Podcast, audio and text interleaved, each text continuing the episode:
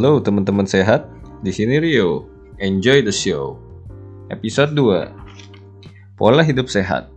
Oke teman-teman, pernah nggak sih kepikiran standar sehat itu yang kayak gimana?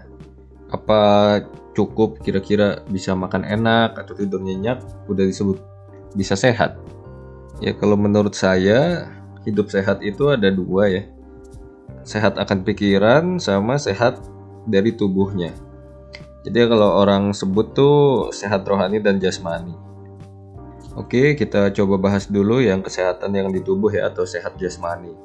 Jadi tubuh itu ada lima komponen penyusun tubuh atau lima komposisi penyusun tubuh.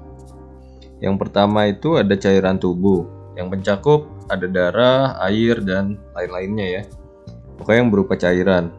Nah, tahu nggak sih sebenarnya tubuh kita itu 60 sampai 70 persennya itu adalah air. Nah, butuh berapa banyak sih kira-kira uh, kita minum air dalam sehari? Jadi ada rumusnya teman-teman.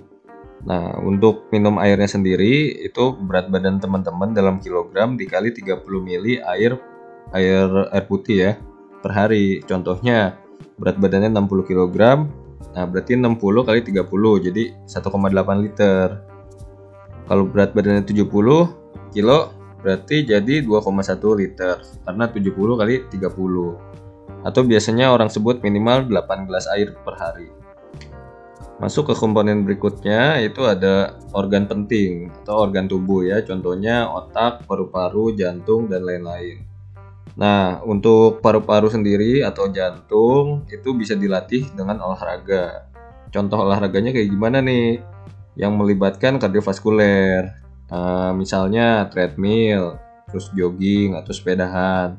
Nah itu buat menguatkan organ-organ uh, gitu. Yang ketiga ada tulang. Setiap orang pasti punya tulang ya. Nah yang keempat itu ada otot rangka. Oke, jadi tulang dan otot rangka itu uniknya ya, terdapat penelitian nih bahwa kerja otot rangka itu akan mempengaruhi kualitas kepadatan tulang Ketika otot aktif, maka tulang akan melakukan adaptasi sehingga menaikkan kepadatan tulang. Contohnya ya, uh, orang yang sering bekerja pakai otot nih, dia bakal lebih padat tulangnya daripada yang orang yang tidak pernah atau jarang melatih ototnya. Jadi kayak tulang itu sama otot itu kerjanya seperti aksi dan reaksi. Ketika otot bekerja, maka tulang akan bereaksi uh, memadatkan si tulang gitu. Kalau buat melatih otot ya udah jelas ya teman-teman, yaitu dengan cara latihan beban ya. Oke, yang terakhir yang kelima adalah lemak. Lemak di tubuh itu harus dikontrol sampai mencapai titik seimbang. Nah, itu artinya gimana ya, teman-teman? Itu artinya berada di batas wajar dalam setiap tubuh uh, tubuh manusia yang bergantung pada jenis kelamin, usia, tinggi badan, dan lain-lainnya. Contohnya pria ya normalnya itu 10 sampai 22% kandungan lemaknya. Sedangkan untuk wanita lebih tinggi nih teman-teman. Sekitar 20 sampai 32%. Emangnya kenapa sih kira-kira uh, kalau misalnya lemaknya tinggi itu akan meningkatkan resiko penyakit yang ada di, di tubuh teman-teman nih. Contohnya dia ada penyakit jantung, diabetes, atau hipertensi dan penyakit-penyakit lainnya. Cara buat menyeimbangkan lemak itu sendiri itu dengan olahraga dan kita menjaga makanan kita.